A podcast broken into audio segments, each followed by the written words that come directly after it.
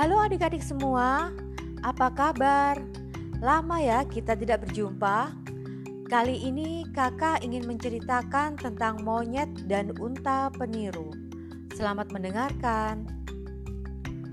Suatu hari ada suatu perayaan di hutan.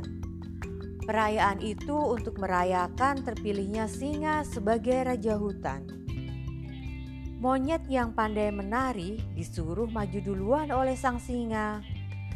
Monyet segera meliuk-liukkan badannya dan menghibur semua orang dengan tariannya yang indah.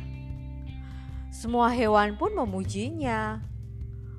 Melihat hal itu, unta merasa iri. Dia merasa dia bisa menirukan tarian monyet. Lalu, tanpa disuruh, unta pun maju dan menirukan gaya menari monyet. Namun sayangnya tubuh unta yang besar dan kaki yang panjang membuatnya sulit untuk menari. Bahkan ia menabrak beberapa hewan di sekitarnya.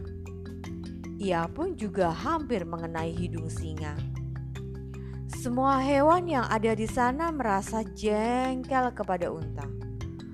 Mereka pun akhirnya mengusir unta dan membuangnya ke padang gurun.